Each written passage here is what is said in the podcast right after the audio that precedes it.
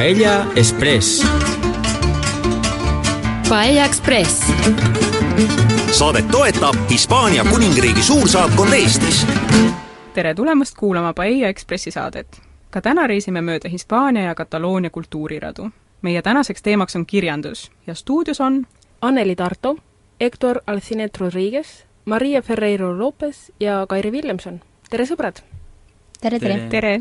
Alustame tänast saadet katalaani kirjaniku Salvador Espriu luuletusega. Hector, palun! Vinc a la nua sequedat de la terra. Soc ja silenci aprofundit. M'allunyo d'una pols enlairada. maapinna palja põue keskele tulen, sügavaks saanud vaikus nüüd olen, ära tõusva tolmu eest lähen. selliselt kõlas see luuletus Ain Kaalepi tõlkes. Hektor ja Maria, kas Hispaanias loetakse palju? Mitte väga palju, tundub, et vähem kui Eestis. eestlased löövad rohkem ja rohkemates keeltes. siin loetakse palju kohvikutes. Hispaanias loetakse pigem omaette olles kodus, sest valjas olles ei olda seal, et lugeda, vaid selleks, et juttu ajada. meil on täna ka statistilised andmed, mis käivad kahe tuhande üheksanda aasta kohta, räägime nendest. Viiskümmend neli protsenti hispaanlastest ütleb, et nad loevad sageli. ainult pooled elanikest, seda on tõesti pigem vähe. aga on ka hullemaid näitajaid. kakskümmend üks protsenti hispaanlastest ütleb, et nad ei loe kunagi või peaaegu mitte kunagi. see on väga suur protsent, statistika järgi ei loe need inimesed sellepärast, et see lihtsalt ei huvita neid, samas kui enamus küsitlusele vastajatest ütleb, et lugemise võimalus on hea.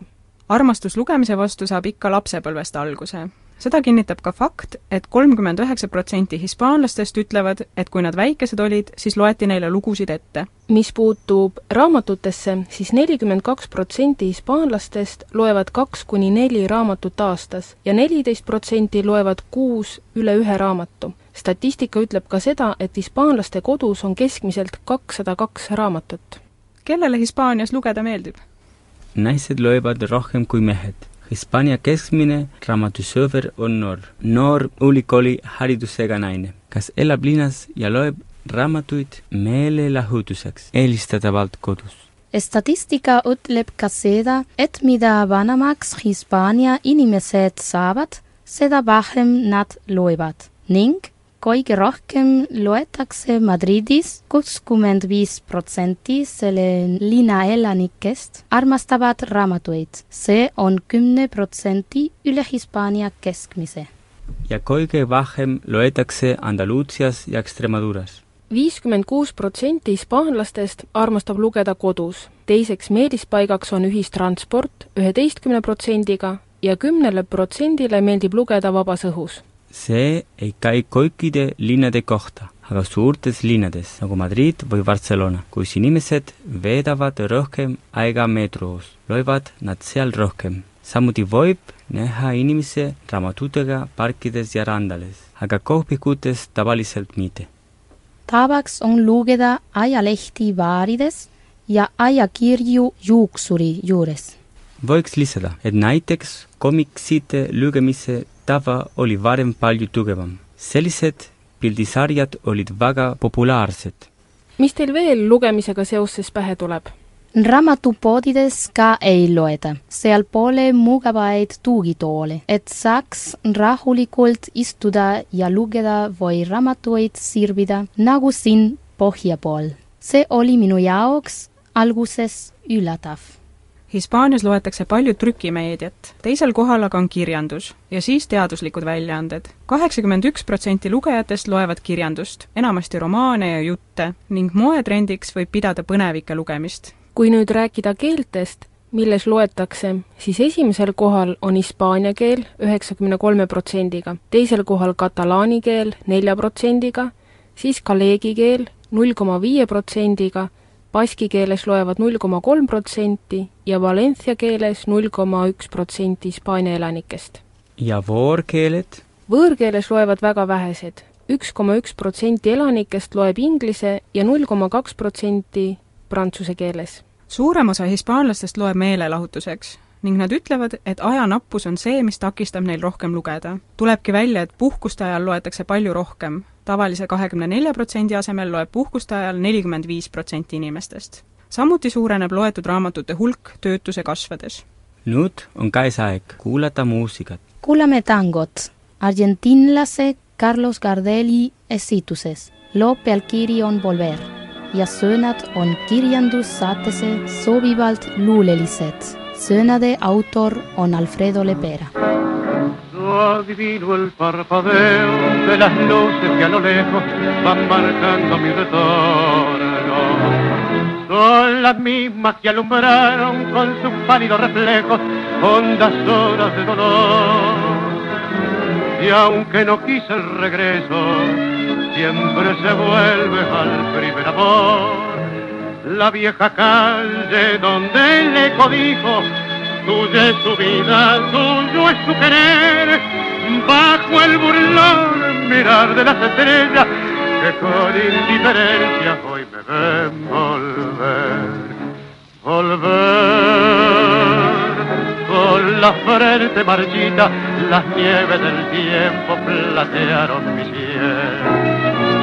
Sentir que es soplo la vida, que veinte años no es nada, que febril la mirada, errarte en las sombras te busca y te nombra. Vivir con el alma aferrada a un dulce recuerdo que lloro otra vez. Tengo miedo del encuentro con el pasado que vuelve a enfrentarse con mi vida. Tengo miedo de las noches que pobladas de recuerdos encadenen mi soñar. Pero el viajero que huye, tarde o temprano detiene su andar. Y aunque el olvido que todo destruye haya matado mi vieja ilusión, guardo escondida una esperanza humilde que es toda la fortuna de mi corazón. Esimene peatus Alcalá de Henares. kirjandusajaloo üks suurimatest teostest on Hispaania raamat Don Quixote la Manchast. selle autoriks on Miguel de Cervantes, kelle sünnilinnas Alcalá de Henaresis praegu peatumegi. see on Madriidi lähedal asuv linn, mis kuulub Castilla-La Mancha autonoomsesse piirkonda. Raamat valmis tuhande kuuesaja viiendal aastal, ajal, mil Hispaania kirjanduses ja maalikunstis valitses särav sajand. seitsmeteistkümnendat sajandit nimetatakse seetõttu kuldseks sajandiks miks seda kirjandusajaloo üheks suurimaks teoseks nimetatakse? kahe tuhande teisel aastal korraldasid Norra Raamatuklubi ja Nobeli preemia fond küsitluse, et luua maailma kirjanduse raamatukogu ning nii saadi teada, mis raamatuid peetakse parimateks. küsitleti sadat kirjanikku viiekümne neljast riigist, sealhulgas ka kirjanikke, kes on ise Nobeli preemia võitnud. Neil paluti vastata küsimusele, millised on kümme parimat raamatut ja suure edumaaga võitis Don Quixote La Manchast selle maailma parima teose autori Cervantese surmapäeval, kahekümne kolmandal aprillil tähistatakse Hispaanias igal aastal raamatupäeva. Hispaania valitsuse taotlusel kuulutas UNESCO selle päeva rahvusvaheliseks raamatupäevaks, mida tähistatakse ka Eestis. muide, samal päeval suri ka inglise kirjanduse suurkuju William Shakespeare. räägime nüüd Don Quixote autorist Miguel de Cervantes Saavedrast. Miguel de Cervantes sündis niisiis Alcalá de Henares'e linnas, kus tänapäeval asub üks tunnustatud ülikool. Cervantes tahtis olla sõjaväelane ja osales mitmetes sõdades ja lahingutes. Ta sai ühes lahingus vigastada ja tema vasak käsi kaotas liikumisvõime. sellest tuleb tema hüüdnimi, Lepanto ühekäeline, Lepanto lahingu järgi, milles ta haavata sai. ta veetis erinevatel põhjustel aastaid vangis, samuti oli tema elus aegu, kui tal polnud punast krossigi. legendi järgi olevat ka Don Quixote vanglas kirjutatud käevigastuse tõttu ei saanud Cervantesest kunagi kõrge auastmega sõjaväelast. Seepärast otsustaski ta kirjandusega õnne proovida.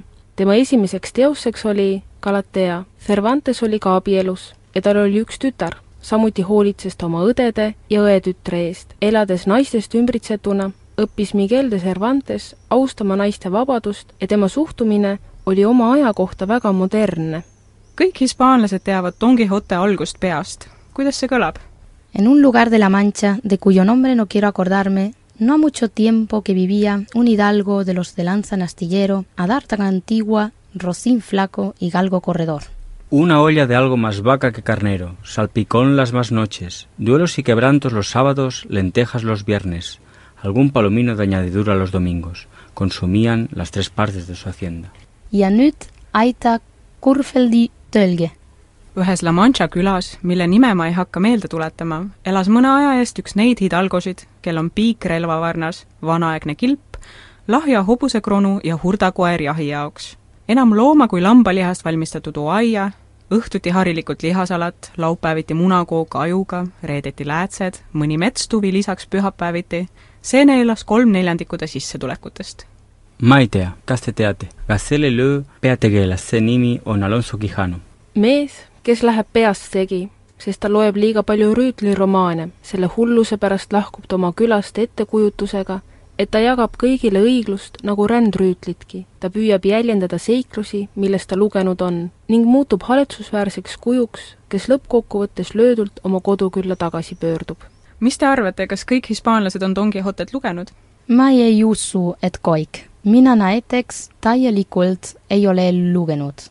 Koolis lugesime osi sellest ja see on tõesti väga ilus, kirjutatud vanas hispaania keeles. minuga on sama lugu. mainisime enne, et see ajastu oli kirjanduse ja maalikunsti hiigelaeg Hispaanias. miks seda kuldseks sajandiks nimetatakse? kuldsel sajandil hakkas Hispaanial kulda näppima. Pärast Ameerikasse jõudmist tekkis Hispaanial palju volgu ning sisepoliitika oli kohutavas seisus ja riigis lokas vaesus. siis oli kriisiaeg, nagu kriisi ajal ikka, muutusid ka siis kunstiliigid elu jõulisemaks. samale ajale jäi ka musulmaanide lõplik lüüa saamine ja Hispaaniast välja ajamine seega kerkisid selle majandus, poliitilise ja sotsiaalse kriisi ajal esile suured Hispaania kirjanikud. kes need olid? Need olid Quevedo, Góngora, Lope de Vega, Calderón de la Barca. mina tõstaksin sellest ajastust esile kelmiromaani. kelmiromaani peategelane oli madala sotsiaalse staatusega kelm, kes tahab oma positsiooni kavaluse ja teiste ebaseaduslike vahenditega parandada, kasutada näiteks pettust ja kelmust see oli halbade elutingimustega, vaesunud, haletsusväärses olukorras tegelane. seda žanri, mille peategelaseks on selline kelm, peetakse pigem antiromaanideks, sest kelmi kuju vastandub rüütlitele ja kangelastele. kelmi romaani peategelased on antikangelased, antirüütlid. Need romaanid on au- ja kõrgklasside silmakirjalikkuse vastu suunatud kriitika. see žanr mõjutas hiljem ka teiste Euroopa riikide kirjandust. Ma mäletan, kuidas ma lugesin kõige kuulsamat kelmiromaani, Tormese Lazarillos, mille autor on tundmatu. mulle meeldis lugeda neid lugusid lastest, kes käisid ringi ja varastasid toitu nii palju, kui suutsid. mulle aga meeldib väga üks Calderón de la Barca kuulus mõtisklus selle üle, mis on elu. ¿Qué es la vida? Un frenesí. ¿Qué es la vida? Una ilusión, una sombra, una ficción. Y el mayor bien es pequeño, que toda la vida es sueño y los sueños, sueños son. huvitav mõtisklus elu üle. elu on unenägu ja unenäod pole muud kui unes nähtu. võiks öelda, et Calderón de la Barca on punkt kuldse sajandi lõpus, aga me pole öelnud, kes seda ajastut alustas. esimene Hispaania humanist Antonio de Nebrija. Tema oli esimese hispaania keele grammatika autor tuhande neljasaja üheksakümne teisel aastal ja koostas tuhande neljasaja üheksakümne viiendal aastal esimese hispaania keele sõnaraamatu. enne kui lähme edasi kaheksateistkümnenda ja üheksateistkümnenda sajandiga, kuulame muusikat. kuulame Tsiljase Violeta Parra väga poeetiliste sõnadega laulu Tänan sind elu. Gracias a la vida que me ha dado tanto, me dio dos luceros que cuando los abro, perfecto distingo lo negro del blanco y en el alto cielo su fondo estrellado y en las multitudes del hombre que yo amo.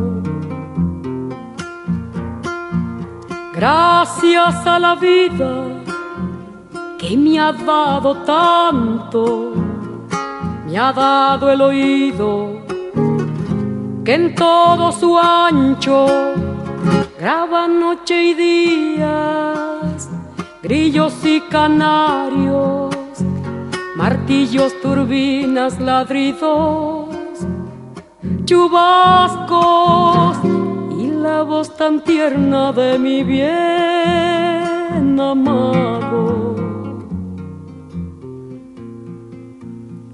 Gracias a la vida que me ha dado tanto, me ha dado el sonido y el abecedario, con él las palabras que pienso y declaro, madre, amigo, hermano y luz alumbrando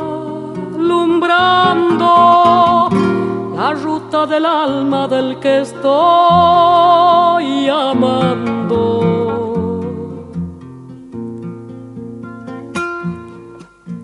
Gracias a la vida que me ha dado tanto, me ha dado la marcha de mis pies cansados, con ellos anduve ciudades y charcos, playas y desiertos, montañas y llanos, y la casa tuya, tu calle y tu patio.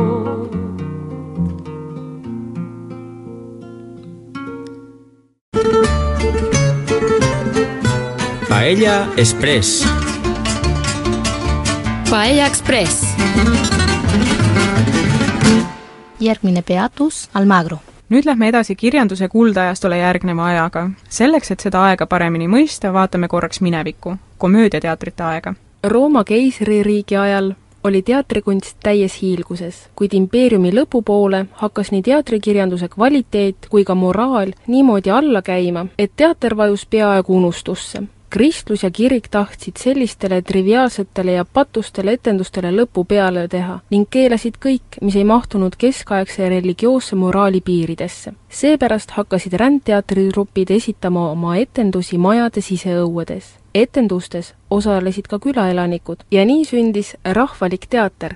etendati palju kuldse sajandi autorite töid, näiteks Calderon de la Barca, Cervantes, Neid õuesid hakati nimetama komöödiaõuedeks kuigi mängiti ka teisi žanre, näiteks tragöödiaid. Need teatrid asusid varjatult sisehoovides ning lava ja kujundus olid tavaliselt improviseeritud. nii-öelda lava külgedel asusid maja sammaskäigud, kus istusid kõrgest soost vaatajad. õue keskel aga lageda taeva all seisid ülejäänud pealtvaatajad. naisvaatajate jaoks oli eraldatud omaette ala seepärast imiteerisid esimesed Hispaania teatrihooned selliseid komöödiaõuesid. tänapäeval on selliseid algupäraseid komöödiaõuesid vaid paar järele jäänud üks näiteks Alcalá de Henaresis ja teine Almagros. väike Almagro linn asub Castilla-La Manchas, Ciudad Reali lähedal ning sealne teater on ainus, mis on säilinud täpselt esialgsel, seitsmeteistkümnendal sajandil ehitatud kujul. Maria, sina oled selles teatris käinud, kas sulle meeldis? jah, väga. sellesse teatrisse sisenemine meenutab kirjandusteosesse astumist teater mahutab vaid kolmsada inimest ja see ei tundu teatri moodi olevat, pigem nagu oleksid kellegi kodus külas. Almagro on väike ilus linn Madridi lähedal, minge vaatama alates tuhande üheksasaja seitsmekümne kaheksandast aastast peetakse Almagros iga-aastast rahvusvahelist klassikalise teatri festivali. samuti tasub külastada sealset teatrimuuseumi. üldiselt võib öelda, et Almagro on teatrimaailmas üks märkimisväärne paik seitsmeteistkümnenda sajandini kestnud kuldajastu oli kirjanduses suurepärane aeg, hiigelajaks võib pidada ka kahekümnendat sajandit. nüüd aga räägime nende kahe kõrgaja vahele jäävast ajast. tekivad mitmed kirjanduslikud liikumised, mis on tuntud ka teiste maade kirjandusest.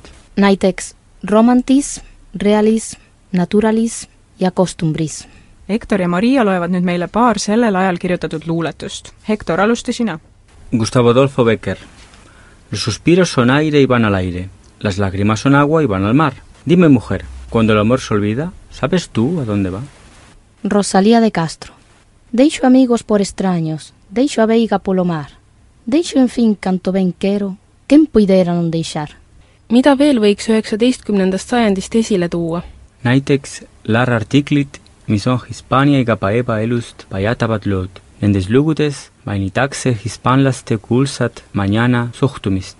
Beckeri legendid on ka Hispaaniast väljaspool tundud teos, aga see väärib ikkagi äramarkimist, sest need lood on imelised. Need on välja mõeldud jutud, mõttemängud ehk nagu pealkiri ütleb, legendid. José Zorrilla raamat Don Juan Tenorio.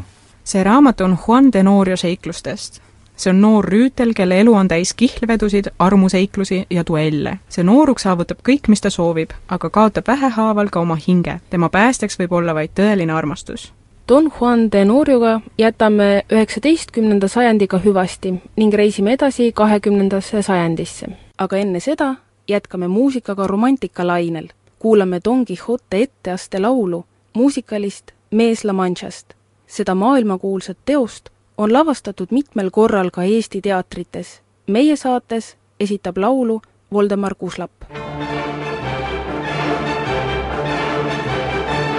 üle külvatu maailm on rängad su süün, vägivald inimsüdameid sööb.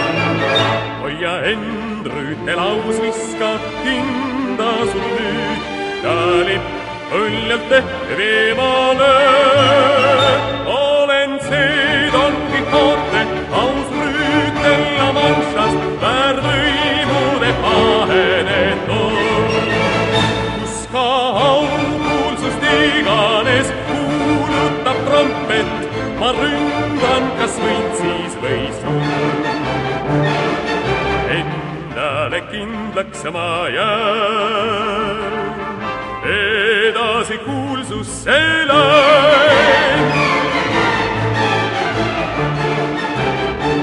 patukottide, narride, nõidade summ, kuula kurjuse lõpp saabub peal. pühas heituses variseb valedel lumm ja pärgehib vooruse peal. Quixote, aus rüütel La Manchast, kui saatus mind kutsub, ma lähen. ma ei tagane sammugi, ei reeda ammugi, endale kindlaks ma jään. Endale kindlaks ma jään,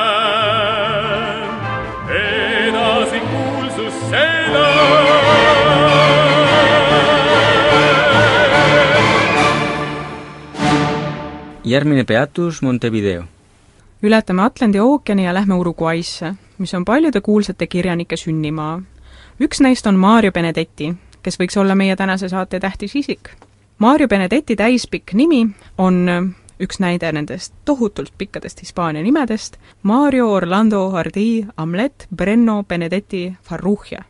ta sündis Paso de los Toroses ning suri kahe tuhande üheksandal aastal kaheksakümne kaheksa aasta vanusena andeka kirjaniku ja ajakirjanikuna teenis ta ka elatist stenograafi, müüja, kassiiri ja riigiametnikuna.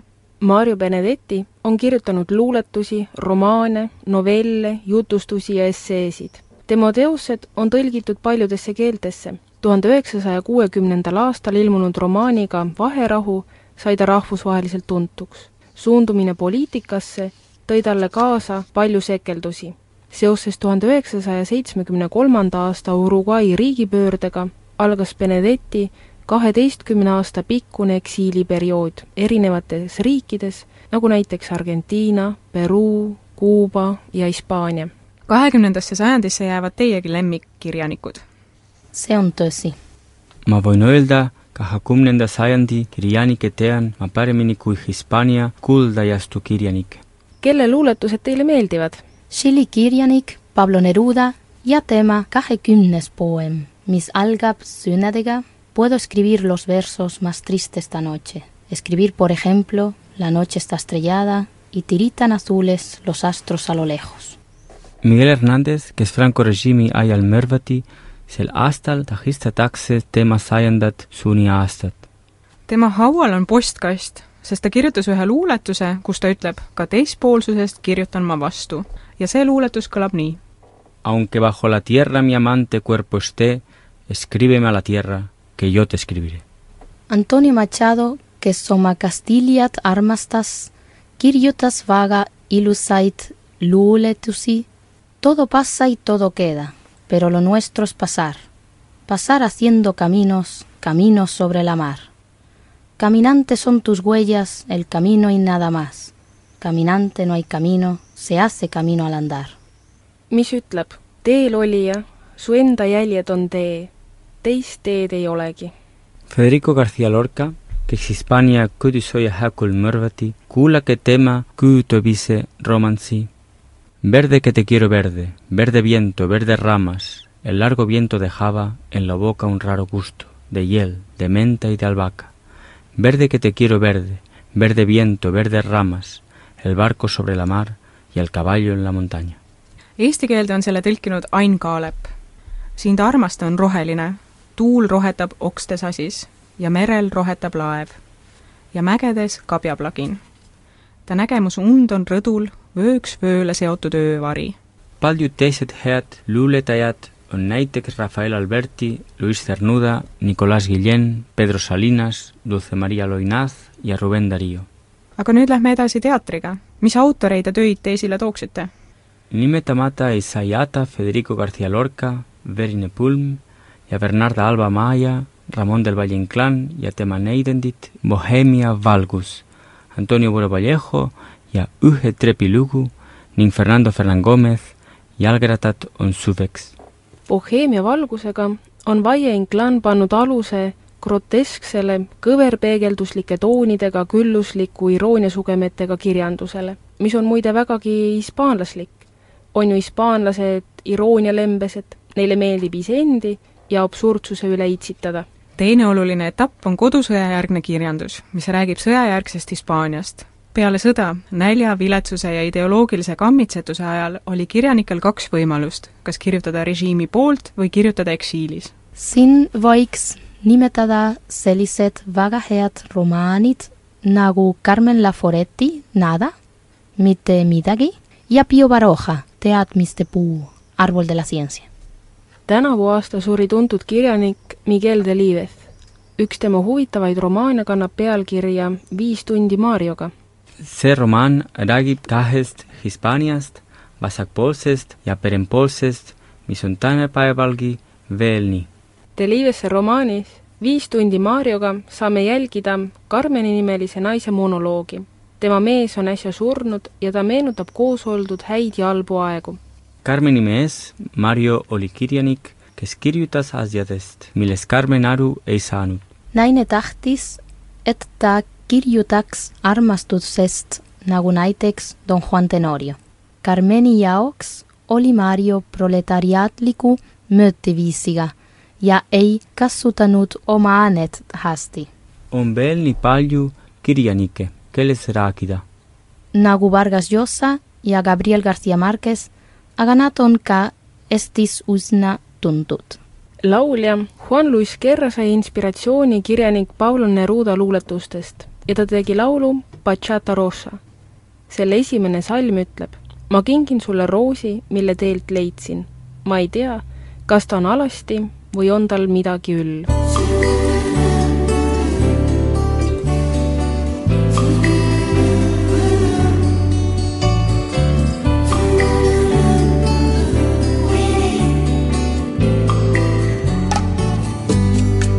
Te regalo una rosa, la encontré en el camino.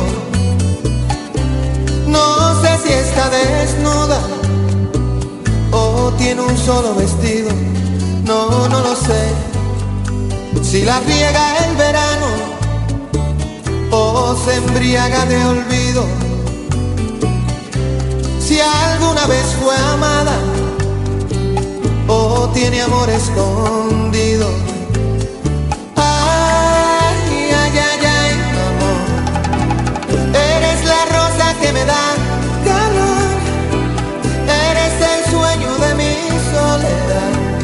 letargo de azul, un eclipse de mar, pero ay, ay, ay, ay, amor, yo soy satélite y tú eres mi sol, un universo de agua mineral, un espacio de luz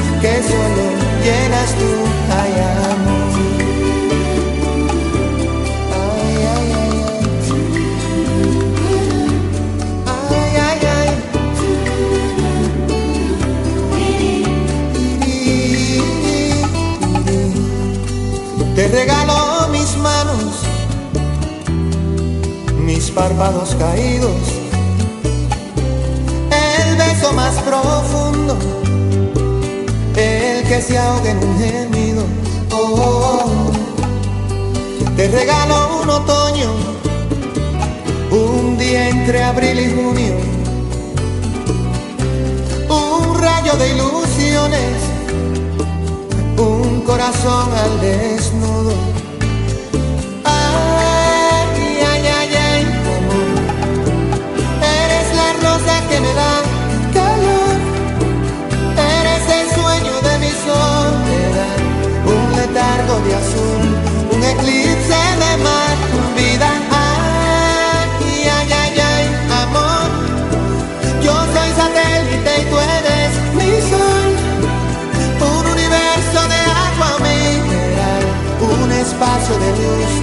Solo llenas tú. Paella Express.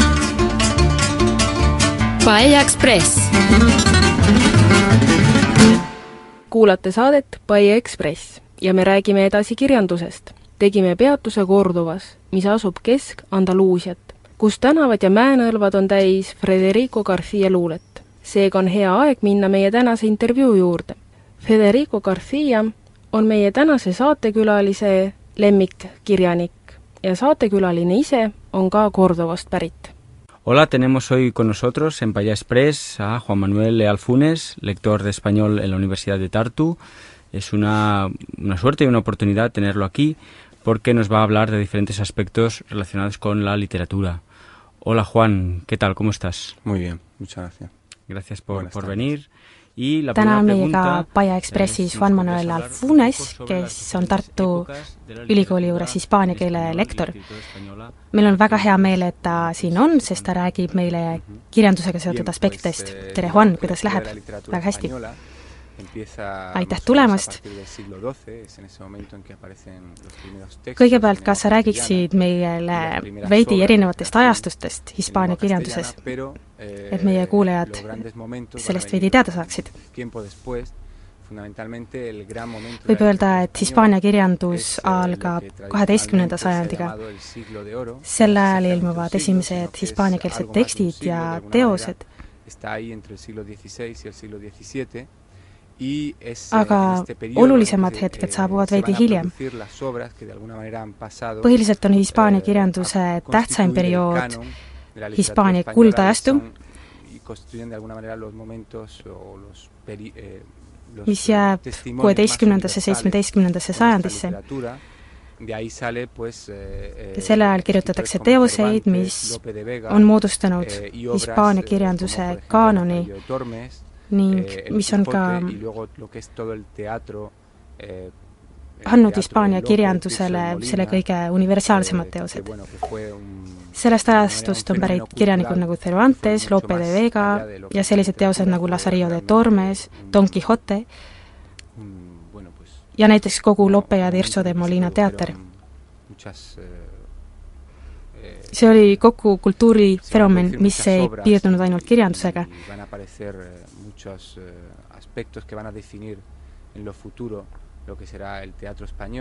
sellel ajaperioodil kirjutati pues, eh, llegamos al siglo XX, väga palju teoseid del año 1898 hasta el ja ennast ilmutasid palju tunnusjooned, mis 1836. Eh, hiljem tulevikus kujundasid Hispaania teatrikunsti.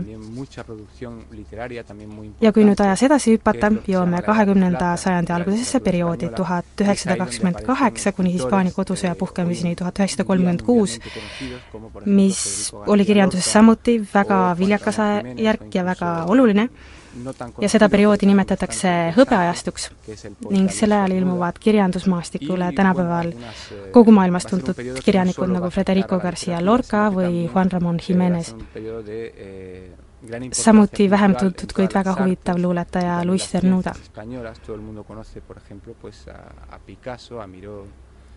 see ajastu ei mõjuta ainult kirjandust, vaid see on oluline ka kõikide kunstiliikide ja ka Hispaania teaduse jaoks.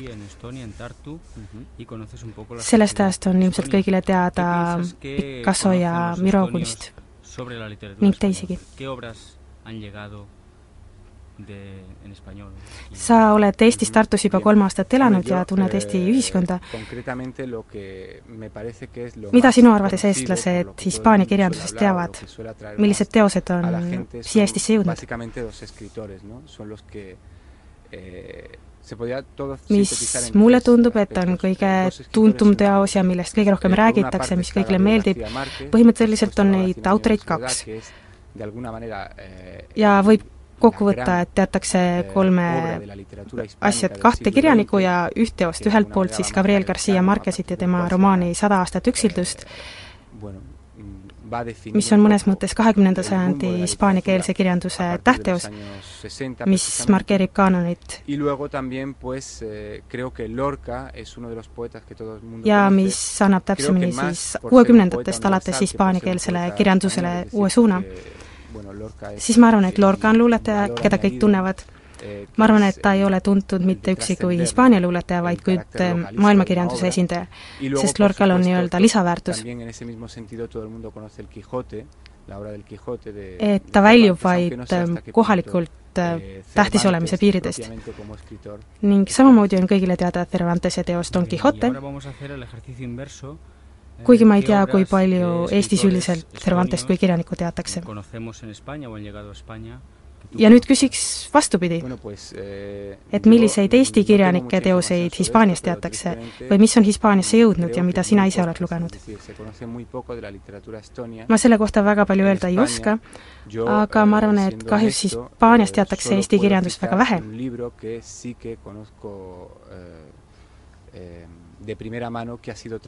kui ma nüüd päris ausalt ütlen, eh, siis mina võin välja tuua ainult ühe raamatu, mida ma tõesti lugenud olen. ja see raamat on tõlgitud hispaania keelde, eh, selle andis välja üks Hispaania kirjastus, mis Hispaanias on väga hästi esindatud, äh, Alfaguara, mis annab siis välja tänapäeva kirjandust ja selleks teoseks on siis Jean Grossi Keisri hull aga ma tean ka, et on tõlgitud luuletajaid, näiteks Jaan Kaplinski, eh, keda on tõlkinud hispanistika professor ja õppetoolijuhataja eh, meie ülikoolis Jüri Talvet, eh, kes tema luuletusi hispaania keelde tõlkis. ma ei ole kindel, kas need luuletused on ka eraldi välja antud kuid kui need on levinud, siis need olid äh, osana ühest artiklist. kuid ma arvan, et ikkagi üldiselt on väga vähe eesti keelest hispaania keelde tõlgitud. kuid kuidas Hispaania kirjandusel tänapäeval läheb? kas tal läheb hästi või mida sa olukorrast arvad? Eh, ma arvan, et Hispaanias on kirjanduse olukord nagu igal pool mujal kirjanikke on palju ja neil on ka palju võimalusi. kui tahetakse kirjutada ja oma teoseid välja anda, on väga palju kirjastusi ja mitte ainult suuri kirjastusi, vaid ka väiksemaid kirjastusi, kes võtavad selle riski, et kirjastada noorte autorite töid. lisaks on palju luule- ja proosaauhindu, konkursse, selles mõttes on kirjanikele motivatsiooni väga palju. ja seetõttu võib öelda, et kirjutatakse palju, et kirjanikud on meedias oma koha leidnud, kuid muidugi ei saa väita, et, et kirjandus oleks kõige enam levinud kunstiliik. aga vastab ka tõele, et kirjutatakse palju, antakse väga palju raamatuid välja, aga üldiselt loetakse üsna vähe la opinión de que se lee muchísimo en las grandes ciudades porque hay eh, ma ei tea, minu arvates loetakse suurtes linnades väga palju, sest etcétera, seal kasutavad inimesed palju ühistransporti ja siis loevad metroos ja bussiga sõites, aga väiksemates linnades loetakse mõnevõrra vähem, et see on väga palju seotud inimeste liikumisega. kuid kes on Hispaania kirjandusest äh, sulle kõige sügavama mulje jätnud? Bueno, a mí en realidad eh, pues me han marcado muchísimos escritores. Mulle tegelikult äh, on väga paljud kirjanikud meeldinud. ühes äh, minu doktorantuuri kursuses rääkisime Hispaania ja Ladina-Ameerika avangard'i kirjandusest, niisiis mulle meeldib Hispaania kirjandusest vaadata rohkem kui globaalset nähtust, mulle meeldib eh, vaadelda seda hispaania keelega seotuna, mitte niivõrd rahvusega seotuna. minu jaoks on väga huvitav üks Tšiili luuletaja, Nicanor Parra, kelle kohta ma ka kirjutanud olen, Eh, ta on luuletaja, kes eh, nii-öelda rikub seadusi ja on väga ikonoklastiline. Aga mulle meeldivad ka mitmed teised kirjanikud. Eh, Nende hulgas eh, on loomulikult ka Hispaania kirjanikke, eh, nagu näiteks võiksin välja tuua luuleta, luuletaja Jaime Hilde Viedma, kes on nüüdisaegse poesía luule suur nimi. Ja samuti proosakirjanikke, näiteks Julio Cortázar või Augusto Monterroso, kes on kirjanik, kes sai väga populaarseks, sest ta eh, creó lõi eh, uue tekstiliigi väga lühikeste tekstide jaoks, millele siis anti eh, nimeks microrelatos. mikronovellid. Ja temalt on väga tuntud un üks lühike tekst, mida ma siin ka edasi võin anda. eh, tekst sai väga kuulsaks, sest que see lõi ühe mõistatuse, mida, millest keegi aru ei saanud ja selle kohta on ka üks anekdoot, aga tekst ise on selline, et kui ta ärkas, oli dinosaurus ikka veel seal ja kogu lugu. Niisiis on see väidetavalt Hispaania kirjanduse kõige lühem teos. mis see anekdoot siis on? Seda on keeruline seletada, nii et pare-, parem jätame selle saate teise osa jaoks. olgu, aga suur aitäh! uurige siis ise anekdooti edasi. nii on vist parem. ja aitäh tulemast, hispaania keele lektor Juan Manuel, Manuel Lealfunes, aitäh teile! aga nüüd kasutame juhust ja räägime ka katalaani kirjandusest, sest Hektor on ju Tartu Ülikooli katalaani keele õppejõud. Hektor, mis ajastu katalaani kirjandus kõige rohkem silma paistab? Keskajal, kui Katalaani ja Aragoonia õukond nautis majandusliku õitseaega, kerkisid esile suured autorid. kellede hulgast tuleb ära märkida Ramon Llull Mallorca saarelt, kes kolmeteistkümnendal sajandil kirjutas katalaani, ladina ja araabia keeles rohkem kui kolmsada teost. katalaanikeelsetest raamatutest on tuntuimad Evast, Blanquerna ja Felix ehk Imede raamat. Neljateistkümnendal sajandil katalaani kirjanduse kuldajal said tuntuks autorid nagu Frances Eiximenis, San Vicente Ferrer ja Bernat Menche ning kõigi aegade kõige kuulsam katalaanikeelne raamat on Juanot Martorelli kirjutatud Tirantlo Blanc, millest isegi Cervantes oma Don Quixote raamatus räägib. mõningad kriitikud on seda pidanud isegi Euroopa moodsa kirjanduse esimeseks suurromaaniks. kuldajastu tipphetk tuleb aga poeet Ausias Markiga, kes viieteistkümnenda sajandi prantsuse luuletaja Francois Villoniga moodustavad kuningliku tandemi kaheksateistkümnenda ja üheksateistkümnenda sajandi poliitiliste keeristormide vahel on kirjanduse madalaeg. kõige pimedam ja kurvem aeg katalaani kirjanduse jaoks oli kaheksateistkümnes sajand, kui Hispaania troonile tulid Bourboonide dünastia ja kui keelati katalaani keele kasutamine ning igasugused kultuurielu edendavad üritused. kui kaua võttis aega, enne kui katalaani kirjandus saavutas taas oma elujõu ja dünaamika? see ei juhtunud enne üheksateistkümnendat sajandit, kui algas teine kuldajastu. majanduslik õitseng, kodanluse tugevnemine, tööliste ja põllumeeste ning rahvuslikud liikumised. Need kõik on taassünni märksõnad. Celia ja kolm vedmekirjaniku Verdaguer, Guimerá ja Oller tegid üheksateistkümnenda sajandi katalaani kirjanduse taasnähtavaks Euroopa kirjandusmaastikel. Verdaguer ja Guimerá panid õitsema katalaani luule ja teatri. Atlantida või Mar y Cielo ja Tierra Baja on sel ajal sündinud kuulsad teosed. Pompeu Fabraga astume kahekümnendasse sajandisse ja meile tulevad vastu sellised suurkujud nagu Pere Caldés, Josep Carné, Salvador Espriu, Foix ja paljud teised. kas soovitad mõnd teost, mis sulle meeldib? Minu eakaaslaste sümpaatia kuulub Kim Monzo loomingule näiteks El porqué de las cosas ja Jesus Moncada raamatule Köietekond. suure positiivse süsti katalaani kirjandusele andis kindlasti kahe tuhande seitsmenda aasta rahvusvaheline raamatumess Frankfurdis, kus katalaani kultuur oli aukülaline. enne kui tänase saate lõpetame ja viimast laulu kuulame, õpetame teile ka ühe uue sõna ja see sõna on raamat. Castilla keeles libro, Katalaani keeles libre, galegi keeles libro. baski keeles libru. sellega ongi meie tänane saade lõppenud. aitäh meie Tartu Ülikooli suulise tõlke magistrandile Nele Aiaotsale. saadet jääb lõpetama Juan Manuel Serrati laul Kolpe a kolpe. Todo pasa y todo queda, pero lo nuestro es pasar, pasar haciendo caminos, caminos sobre la mar. Nunca perseguir la gloria, ni dejar en la memoria de los hombres mi canción. Llevamos los mundos sutiles, ingrávidos y gentiles, como pompas de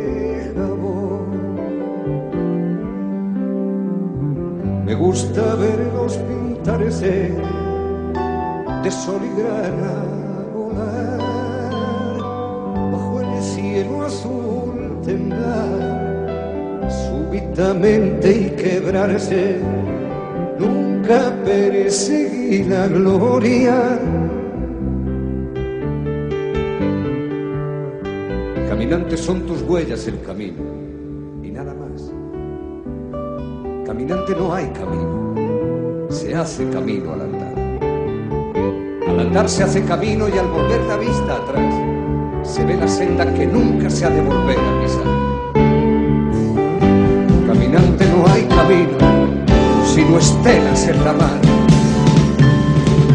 Y hace algún tiempo en ese lugar donde hoy los bosques se visten de espino, se oyó la voz de un poeta gritar: Caminante no hay camino, se hace camino andar, golpe a golpe y verso a verso. Murió el poeta lejos del hogar, le cubre el polvo de un país vecino. Al alejarse le vieron llorar. Caminante no hay camino, se hace camino al andar, golpe a golpe y verso a verso.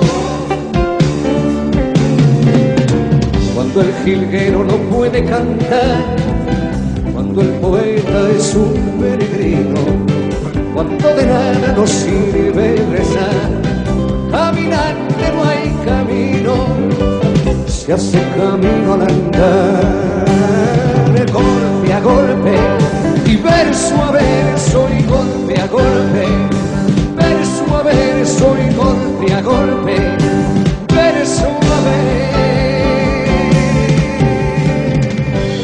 verso. Paella Express. Paella Express saadet toetab Hispaania kuningriigi suursaatkond Eestis